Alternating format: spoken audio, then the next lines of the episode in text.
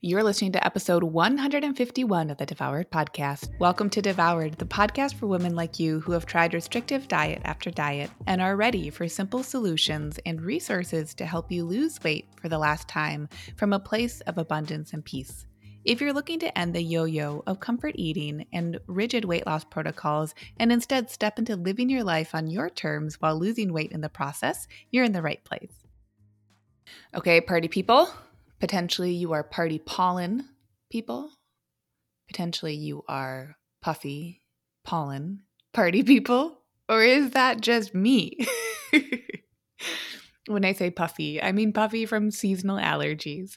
That's what's been going on in my neck of the woods. And of course, it's like so great to have seasonal allergies because spring is here. Things are in bloom the like birch tree that is outside on the boulevard that I look at, like I'm looking at it right now as I'm recording, just in the last three days, all the teeny tiny buds on the tree have gone from just being tiny closed little buds into actual small green leaves. Like the tree looks like a tree again. Summer is here, seasonal allergies are here, and uh, that's where I'm at. I hope whenever you're listening to this episode that it is finding you well. And I thought today it could be really interesting to talk about fluctuating weight. Now, on someone's weight loss journey, the scale number is a metric. I've often referred to it as a very clunky metric because it tells us absolutely nothing about the ratio of our lean body mass to our fat mass.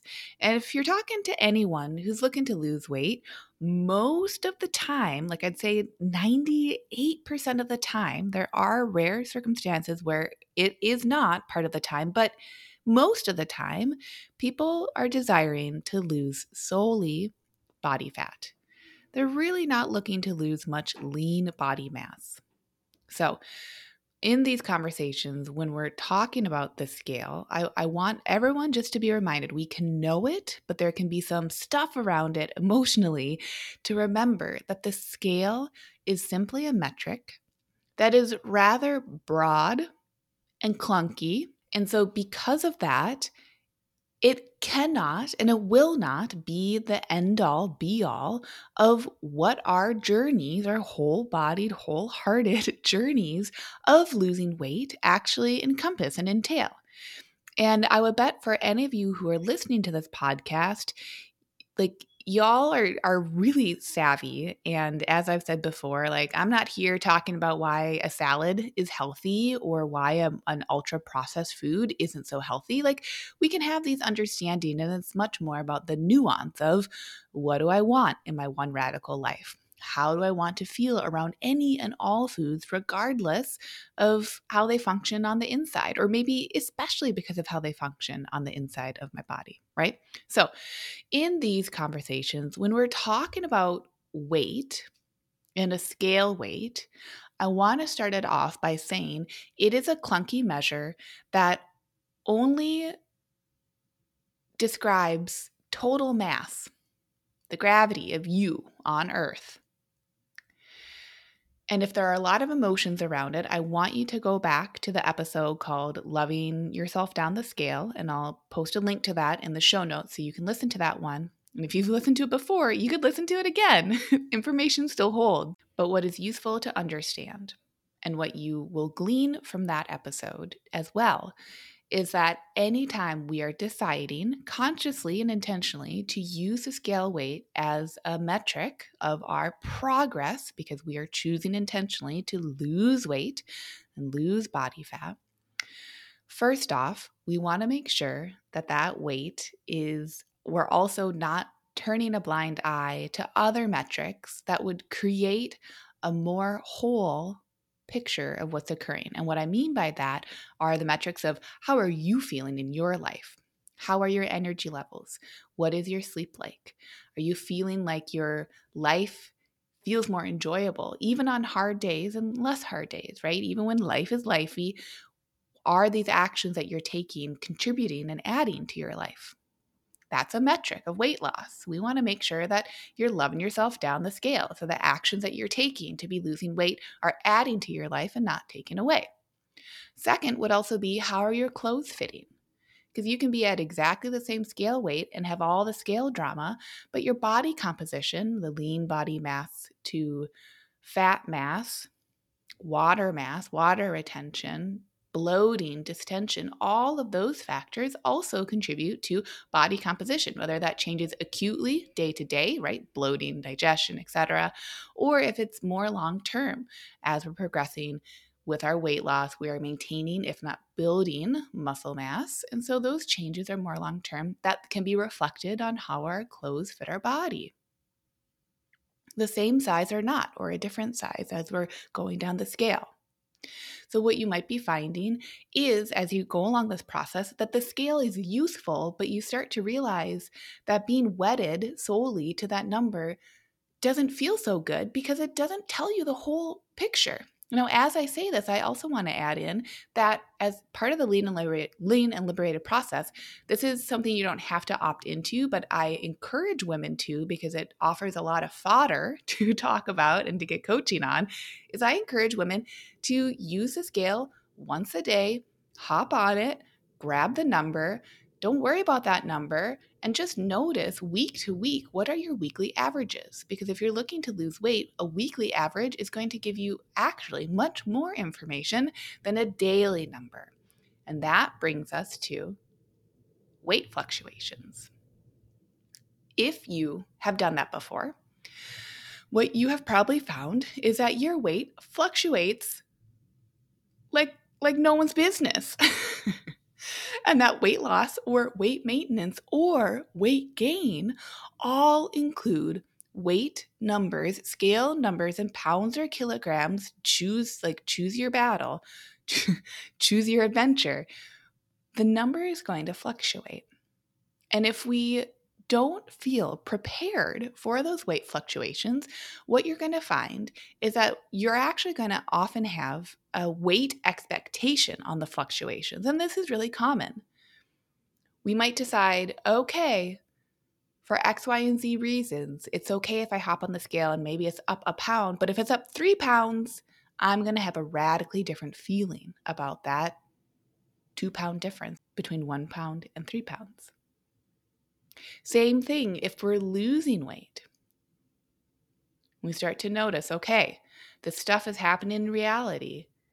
And yet, as I hop on the scale and I notice, oh, the scale has actually gone down, my reaction between how much I want it to go down, how much it has gone down, whether that is one day, whether that is an average of one week, or whether that's an average over a month.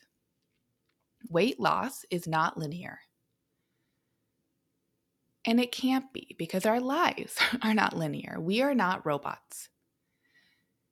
And I actually hope that, like, if anyone here has tracked calories before, that it's case in point that you can be doing something perfectly you can be learning how to feed yourself lovingly and in, like pretty much the most perfect way, and it will still not be linear. So we also have to start to shake off that expectation that doing something quote unquote perfectly is going to quote unquote make the scale fluctuate less.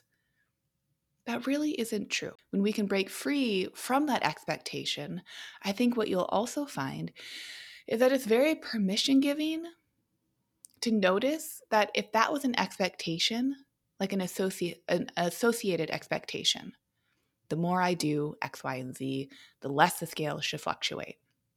It's like an if then statement for any of my programming nerds.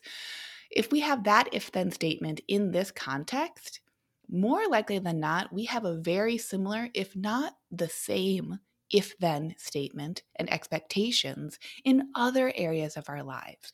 And that right there is the beauty, hands down. That is the most life giving part about choosing to lose weight in this way is that we start to see the associations and those ripple effects of, oh, I've had a rather rigid if then statement around how my weight loss and this actual scale number should look as I'm going through this journey. Yes, I can have a container of wanting to start at a weight and end at a weight. But in that container, those rigid expectations either serve you or they don't. and if they don't serve you, it's not about doing something harder, it's about starting to flip the script and really starting to get curious. Oh, maybe part of this journey is discovering what my actual if then statement was. And when we discover it there, this is the cool part is that we then start to have a relationship with it with our weight loss. And this gets kind of meta, but that's what we do here if you can start to develop and shift and play with your relationship to your if then statement, whereas in the past, it might have been subconscious that there was that if then statement. Oh, weight loss needs to happen in X, Y, and Z fashion, and I need to do it in this way. Done and done. We start to tease that apart, what we find is that we have a relationship to how we want to lose weight, to how we are losing weight. And therefore, we have a relationship to our if then statement. And therefore, once we identify a pattern, as I've shared recently, our brains are really efficient. So, of course, they're not going to run a bunch of different programs or a bunch of different patterns every single day. They're complex, so we have a lot of patterns, but it's not like we're going to just generate a new pattern all the time. We just have a core set, like a handful or two. So it's very worthwhile if we desire weight loss for our own reasons, is internally motivated. We've done that work of discovering whose stories are whose. Which stories would I like to continue to claim as mine? Which ones are I'm am I open to releasing back into the ether, to the universe, to people, to the past, to the future? In this present moment, what are the stories that actually serve me? you'll find the if then statements that are part of those stories that actually serve you. And you'll find that this conversation then becomes less meta and more real life. Because let's not forget, and I know I hop on this podcast and I talk here, and you're like, okay, Lucia, you're in my ear, but are you in my life? Because our life is a set of different actions. If you think about a life well lived, and this must be a quote, I don't know who to attribute this to or where the quote, or it's like a life well lived is just a string of days well lived, right? A life that you're proud of is just a string of days that you're proud of. So your only job is to be focusing on if I'd like to make myself proud today. You don't have to worry about making yourself proud tomorrow or a month from now. That's when things start to feel very overwhelming. And that's what diets love to do. They like to have us focus on the future mm, often getting anxious about it, or focus on the past and get sad about it or overwhelmed by it. And part of this whole experience, it's like a different way of living, It's coming back into the present. It's coming back into the present moment when we step on the scale and also when we step off. It's coming back into the present moment when we step into our closet and also when we have all the feelings about ordering the new clothes for a new season. That is going to serve us so deeply. And so I hopped on here being like, okay, let me break down all the different reasons why our weight can fluctuate, right? Like menstrual cycles, different seasons, even things like seasonal allergies, right? Just like that feeling of puffiness, the things that we can associate surface level with feeling fat and we like all this stuff, like just the stuff that can trigger us, right? Body fat is neutral. Our emotions and our feelings make it not neutral. If we have to go to the bathroom, if we're consuming foods that are difficult for our digestion. We're experiencing bloating, we're experiencing pain, what our physical activity looks like, whether we're post or pre a strength workout, what our hydration is like, if we're eating water rich foods or more dry foods. All of these different things impact our weight fluctuations day to day. Drinking alcohol, drinking coffee, using diuretics these are the inputs and the outputs that are tangible that yeah let's like hopefully just hearing those was a nice reminder that could be a 30 part 30 second part of this podcast. But after that, the reason that those tangibles get to stick or not is when we make the conscious choice to be present. And when we develop those tools for ourselves of how would I like to be present? Is there anything I'd like to do with the information that I glean from the present moment? And how would I like to carry that forward in this life that I'm living and building that I'm proud of? You really don't have to worry about the future too much. Like, yeah, plan, sure. Yeah, we learn from our past, definitely. But whenever we're feeling confused about weight fluctuations, I just want you to come back into the present moment. Like if that's your homework for the week, that is so awesome. Really identifying, oh, where is my brain going? When I think about weight, when I think about how it fluctuates, when I think about how I think it should fluctuate, what is it that I'm experiencing in the present moment when I'm having those thoughts? How am I feeling? What is my body doing? Right? Are my muscles tense? Do I feel relaxed? Can I just be with that in this present moment?